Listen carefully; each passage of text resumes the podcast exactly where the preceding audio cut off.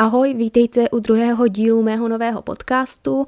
Já jsem Kamila Kopřivová a vy mě nejspíš znáte pod přezdívkou Rabínka v zácviku, pod kterou vystupuji na sociálních sítích. Než se do toho dneska pustíme, tak já musím strašně moc poděkovat všem, co si poslechli první díl a taky všem, co jste mi napsali, že se vám ten první díl líbil a že mám pokračovat. Já musím říct, že jsem vůbec nečekala, že se vás to tolik pustí a že mi tolik z vás napíše pozitivní a podpůrné reakce. A opravdu mě to strašně moc potěšilo a motivuje mě to pokračovat. Mimochodem, kdybyste mi chtěli napsat, tak mě zastihnete určitě na sociálních sítích, na Twitteru, Instagramu nebo na Facebooku. A můžete mi klidně posílat i tipy, nějaké otázky, co by vás v souvislosti s židovstvím zajímalo a já moc ráda odpovím, pokud na to budu stačit a pokud na to budeme mít čas. Takže určitě pište, moc ráda se na vaše otázky podívám a budu se těšit. To je ode mě na úvod asi všechno a my si dnes spolu budeme povídat o Rivce Bat Meir.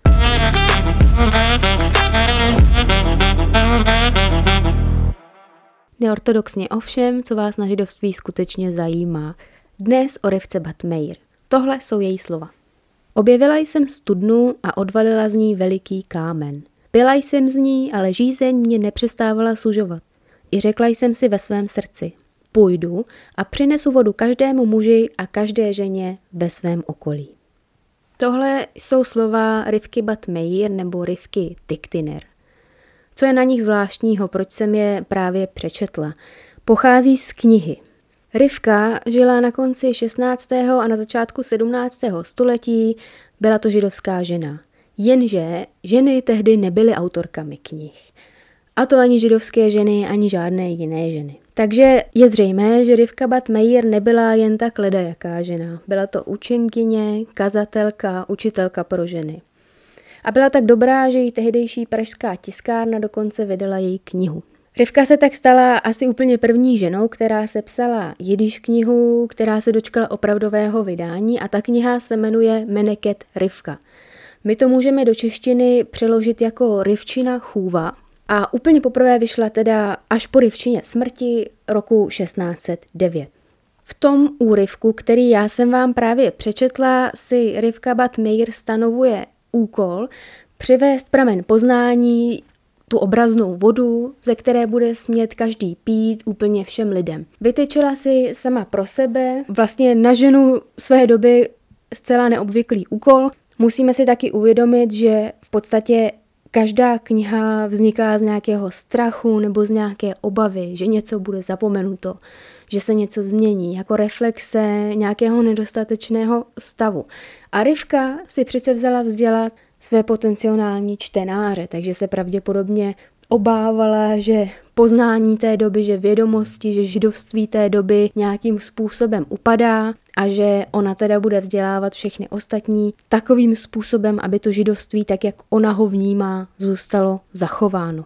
Ta její kniha je cílena primárně na ženy, ale můžeme říct, že svou povahou měla veliký vliv i na muže. Ta kniha totiž doporučovala ženám, jak správně jednat, jak se správně chovat ve vztahu k různým lidem v domácnosti. Což znamená samozřejmě i ke svým dětem, což byli muži, nebo ke svým manželům, k otcům, ke svým tchánům a podobně, takže kniha vyloženě napsaná pro ženy měla ve výsledku vliv na široké židovské okolí. Než se ale vrhneme přímo na tu její knihu, tak si povíme ještě něco o samotné Rivce Bat Meir. My toho o jejím narození nebo vlastně celkově o jejím životě víme strašně moc málo. Je pro nás dost zajímavé, myslím si pro nás v České republice, že část života prokazatelně prožila v Praze a to v takové té slavné době, kdy v Praze působil proslulý Maharal, filantrop Mordechaj Meisel, finančník Jakob Baševy, kdy vládl Rudolf II., kterého známe z Pekařova, císaře císařova pekaře. Takže to je takové to pro české židovské historiky nebo pro české historiky židovství vzrušující, vzrušující doba. Nicméně, přestože tahle doba se často objevuje v různých vědeckých knihách a podobně u nás, tak Rivce se nikdo moc detailně ještě nevěnoval, tak já doufám, že se toho někdo třeba v budoucnu, v brzké budoucnosti chopí a můžeme se dočkat také celé knihy o ní nebo překladu jejího díla z jidiš do češtiny. Veškeré informace, které o Rivce Batmeir máme, tak odvozujeme z jejího jména, A ze dvou zápisů, které se dochovaly o jejím úmrtí a pak taky vlastně ze skazek a nějakých strohých informací, které najdeme v té její knize. Co se týče jejího jména, tak já jsem říkala na začátku, že celým jménem se jmenovala Rivka Bat Meir Tiktiner a její otec se jmenoval Meir Tiktiner, co vyplývá tedy z toho jejího jména. Rivka, dcera Meira Tiktinera. To jméno Tiktiner odkazuje na město Tykocin v dnešním severovýchodním Polsku. To bylo ve své době dost významné město s velkým židovským osídlením a do dnešní doby se v něm zachovala poměrně velká židovská osada s barokní synagogou. Kořeny Rivky tedy sahají do Polska, my ale nevíme, jestli ona sama se tam narodila, nebo jestli se tam narodil její otec, který se později přestěhoval do Prahy, eh, nebo, nebo jaká tam byla ta rodina situace ve vztahu k polskému městu Tykocin. Nicméně Rivka spočívá v Praze a vlastně nápis na jejím náhrobním kameni který najdeme na pražském židovském hřbitově, je jedním z těch dvou zápisů, které se nám po ní dochovaly, které vznikly po její smrti a ze kterých dneska můžeme čerpat nějaké další informace. Na Rivčině náhrobním kameni se dozvídáme, že zemřela roku 1605, což je tedy čtyři roky předtím, než byla otištěna její kniha. Opět je tam zmíněn její otec, je tam zmíněn jako náš učitel Rabbi Meir Tikotin, pravděpodobně tedy působil jako učitel. On je tam zmíněn tím titulem rabi, nicméně to, že v téhle době někdo je někde zmíněn titulem rabi, ještě neznamená, že působil jako opravdový rabín, jako opravdový představený, jako opravdový náboženský představený komunity. Spíš to znamená, že měl nějaké slušné náboženské vzdělání a že mohl dost pravděpodobně působit jako učitel. To totiž ten termín původně znamená. Rabi je doslova můj učitel, když to přeložíme z hebrejštiny. To, že Rivčin otec nejspíš nebyl nějaký velký rabín, jak si to představujeme dneska, vyplývá i z toho, že my nevíme o nikom toho jména, kdo by v téhle době, o které my se bavíme, působil v Praze jako rabín. Co je pro nás důležité je, že Rivka mohla to svoje dobré židovské vzdělání, které zúročila v sepisování vlastní knihy a lásku ke studiu, lásku k výuce, získat nejspíš od něj. Jinak ten její náhrobek nepřináší žádnou další mimořádnou informaci, to ale nemůžeme říct o tom druhém zápisu, který se nám o ní dochoval.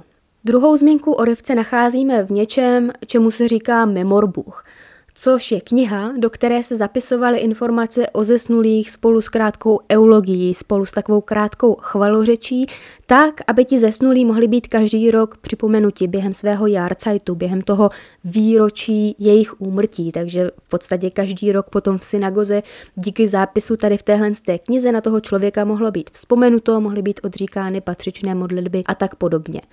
Zápis o rivce Bat Meir v pražském memorbuchu zní následovně. Kéž Bůh vzpomene duši stařešinky, rabanit paní Rivky, dcery našeho učitele a pána rabína Meira, nebo její choť, pán a rabín Becalel Báruch, přispěl částkou na charitu. A protože kázala v každém zbožném městě, pročež bude její duše přijata do svazku živých společně s dušemi Abrahama, Izáka a Jákoba, Sáry, Rivky, Ráchel a Leji a všech ostatních spravedlivých a čistých mužů a žen v zahradě Eden, řekněme Amen. Z tohoto zápisu se dozvídáme hned tři zajímavé věci. Rivka měla manžela, který je tady zmíněn, byla označená jako rabanit a kázala po různých židovských městech. Manžel Rivky Batmeir Baruch Becalel. Memorbu ho označuje jako donátora, což znamená, že tedy daroval nějaké peníze na dobrý účel. Pravděpodobně musel tedy určitě darovat i nějakou částku peněz pro to, aby Rivčino jméno bylo zapsáno do toho memorbuchu a dál je označen jako rabi. A v jeho případě to bude nejspíš dost podobné, jako to bylo s Rivčiným otcem. S největší pravděpodobností nesloužil jako rabín, protože opět o něm nemáme dochovány žádné záznamy o nikom takového jména, kdo by působil v Praze této doby jako eh, rabín. Nevíme, jeho titul rabi tedy může poukazovat spíš na úroveň vzdělání, kterého dosáhl, nebo taky třeba na to, že pracoval jako učitel. Samozřejmě mohl působit i jako rabín, ale jak už jsem říkala, tak o žádném takovém rabínovi my dneska nevíme. Zároveň z toho jeho titulu rabi, kterým tak úplně možná nebyl, vychází celkem zajímavá teorie o rivce kterou vypracovala Frauke van Roden, která vlastně napsala knihu o rivce, přeložila ten její spis jmenuje Rivka z Jidiš do angličtiny a vypracovala k ní také velice zajímavou studii. A ona se tam taky zabývá právě tímhle zápisem v Memorbuch a říká, že Rivka je v něm zmíněna jako rabanit a že to neodkazuje na takové to tradiční jméno nebo tradiční název pro manželku rabína, který skutečně je rabanit, ale že je tím spíš míněno to, že Rivka měla mimořádnou vůdčí pozici uvnitř židovské komunity a že tímto způsobem byla vnímána jako jakýsi ekvivalent rabína. My nemůžeme říct rabínka, protože něco jako rabínka v té době eh, samozřejmě neexistovalo a nebylo vůbec myslitelné, ale tohle je tedy ta teorie, kterou Frauke van Roden prezentuje ve své knize, že ten titul rabanit před rivčiným jménem neodkazuje na to, že byla manželkou nějakého rabína, protože pravděpodobně Becalel Báru žádným rabínem nebyl a že to reflektuje spíše její úlohu v komunitě. V tom zápisu je dále zmíněno, že kázala po všech svatých židovských obcích, to znamená, že jezdila po židovských obcích, pravděpodobně po českých židovských obcích, kde vyučovala a působila jako daršanit neboli kazatelka. Tahle pozice opět je celkem mimořádná, rozhodně pro její dobu, pro její místo, aby žena cestovala také sama po různých komunitách a sama tam aktivně nějakým způsobem vyučovala, to je celkem mimořádné. Já už jsem tady několikrát zmínila, že Rivka byla ale nejvíc mimořádná tím, že se stala autorkou knihy. Ta kniha se jmenuje Meneket Rivka, česky Rivčina chůva a ten název poukazuje na biblické verše z knihy Berešit. Je to verš 2459. Propustili tedy svou sestru Rebeku a její chůvu i Abrahamova služebníka a jeho muže. A druhý verš je 35.8. Tehdy zemřela Rebečina chůva Debora a byla pochována pod oním dubem u Betelu. Izák jej proto nazval Alon Bachut, dub nářků. Tyto dva verše hovoří o Rebečině chůvě Deboře, která ji doprovázela na cestě za Izákem. Takže tady je paralela s knihou, kdy ta kniha má být průvodkyní žen na jejich cestě stát se dobrými ženami, stát se dobrými manželkami, stát se dobrými matkami. Stejně jako Debora provázela Rebeku neboli Rivku, tak tato kniha bude provázet čtenářky. Že se autorka té knihy taky jmenuje Rivka, tak to už je taková eh, slovní hříčka, které vlastně nejsou úplně neobvyklé v té klasické židovské literatuře.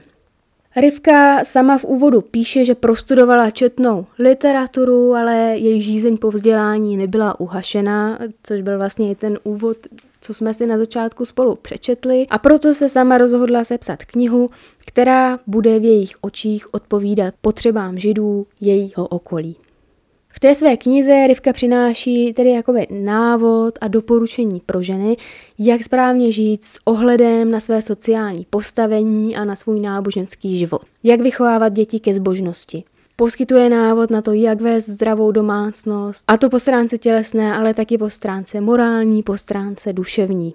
Ta kniha je rozdělená do šesti hlavních kapitol, které ženu definují podle jejich společenských a rodinných vztahů, můžeme říct a poskytují návod, jak se chovat právě tady v těchto z těch různých vztazích, v těchto různých situacích, ve kterých se žena běžně vyskytuje. Ty kapitoly se proto jmenují v podstatě, jak se chovat k rodičům, jak se chovat k manželovi, jak se chovat k rodičům manžela, jak se chovat k dětem, partnerům dětí, služebníkům a k hostům. Takže opravdu to je kniha, která se dívá na ženu jako na takovou kotvu domácnosti, jako na pilíř domácnosti, která se vztahuje k dalším různým lidem a prezentuje ženu prostřednictvím tady těchto z těch úloh a těch jejich domácích rolí. Celou tou knihou se propletá Rivčina hluboká znalost židovských pramenů, hluboká znalost Tóry, hluboká znalost akademických materiálů a taky její velký literární talent. A byla to právě asi nejspíš její velká učenost a to, že ta kniha je opravdu dost kvalitní což přesvědčilo jednoho z tiskařů slavné pražské tiskárny k tomu, aby tu Rivčinu knihu vydal, sice až po její smrti, ale přece jenom vydal. Ten tiskař Sám napsal úvod k téhle z té knize, což není nějakým způsobem mimořádné. Tiskaři běžně psávali úvod ke knihám, které publikovali, aby, aby tomu dodali důležitost, aby tomu dodali uh, svůj vlastní štempl. Můžeme říct, že tohle je kniha, kterou tedy oni vydali. V té předmluvě se ten tiskař sám podivuje, jestli někdo někdy viděl takovou novinku, aby se žena sama od sebe stala učenkyní a studovala komentáře k Tóře. Po revce se zachovala ještě jedna další věc, která nás postupně navede k druhé části dnešního podcastu. A tou je liturgická báseň, můžeme říct i píseň Ein Simchat Torah. Přeložit to můžeme z jako píseň ke svátku Simchat Tora. To je vlastně samo o sobě celkem taková drobnost a maličkost, ale přivádí nás to na široký fenomén takzvaných fircogerinen a potažmo i na fenomén ženského autorství liturgické poezie, což svého času byla celkem rozsáhlá záležitost. Ženy jako synagogální předspěvačky, přednašečky nebo předříkávačky. To je téma, kterému se budeme věnovat v druhé části podcastu a je celkem zajímavé podívat se na to, jak se tahle ta synagogální úloha ženy vyvinula, protože ona se v podstatě vyvíjela s tím, jak se vyvíjelo oddělené sezení v synagogách. To začalo být v budovách synagog běžné od začátku středověku. První rabínská diskuze na téma odděleného sezení v synagoze pochází z 10. století, přičemž v 15. století už to byla běžná praxe. První doložená ženská galerie je ze synagogy v německém Wormsu, což je začátek 13. století a to je zároveň doba, kdy my se poprvé setkáváme s fenoménem Fircogerin, té předspěvačky. Předspěvačky v synagogách fungovaly v podstatě do doby židovského osvícenství a s ním nástupu reformního židovství, kdy to židovství ortodoxní ze synagogy ženu postupně nějakým způsobem radši vytlačilo. Kdo byla tedy Fircogerin nebo v plurálu Fircogerinen přednašičky? Neboli ženy, které stávaly vepředu v té ženské galerii nebo balkonku nebo jakékoliv části synagogy, která byla ženám vyhrazená a které tam překládaly ostatním ženám hebrejské modlitby do jejich lokálního jazyka, často třeba právě do jidiš. A oni překládali doslovně nebo nějakým způsobem volněji, interpretovali a vysvětlovali, co se v synagoze děje, co tam muži dělají, co třeba rabín říká a podobně. Vy se teď možná zeptáte, jak jako překládali. To židovské ženy nemluvily a nerozuměly hebrejsky? Ne.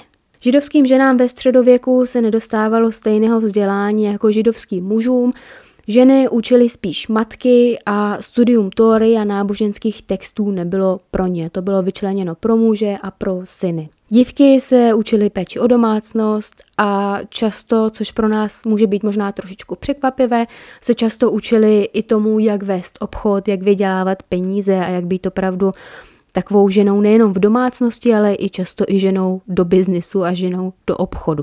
Zatímco studium náboženských textů, které jsou v hebrejštině, nebylo pro holky a tím pádem se vlastně ani nikdy nemuseli a nepotřebovali naučit hebrejsky.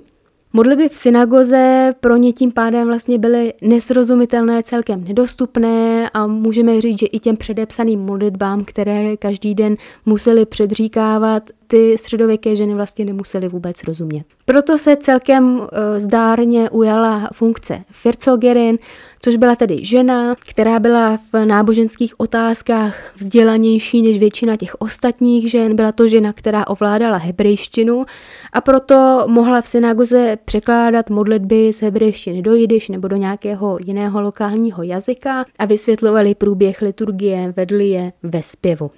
Tyhle znalosti si Fircogerinen získávali pravděpodobně od nějakého mužského člena domácnosti, ale bylo vlastně i běžné, že úloha té synagogální předříkávačky, předspěvačky se dědila i z matky na dceru. Když se ještě trošku vrátíme k Rivce Bat Meir, tak ona pravděpodobně tuhle tu úlohu zastávala také. Nicméně ten fakt, že se po ní nezachovaly jenom liturgické básně, ale i celý morálně naučný spis, poukazuje na to, že Rivka Batmeir svými schopnostmi přesahovala schopnosti běžné Fircogerin.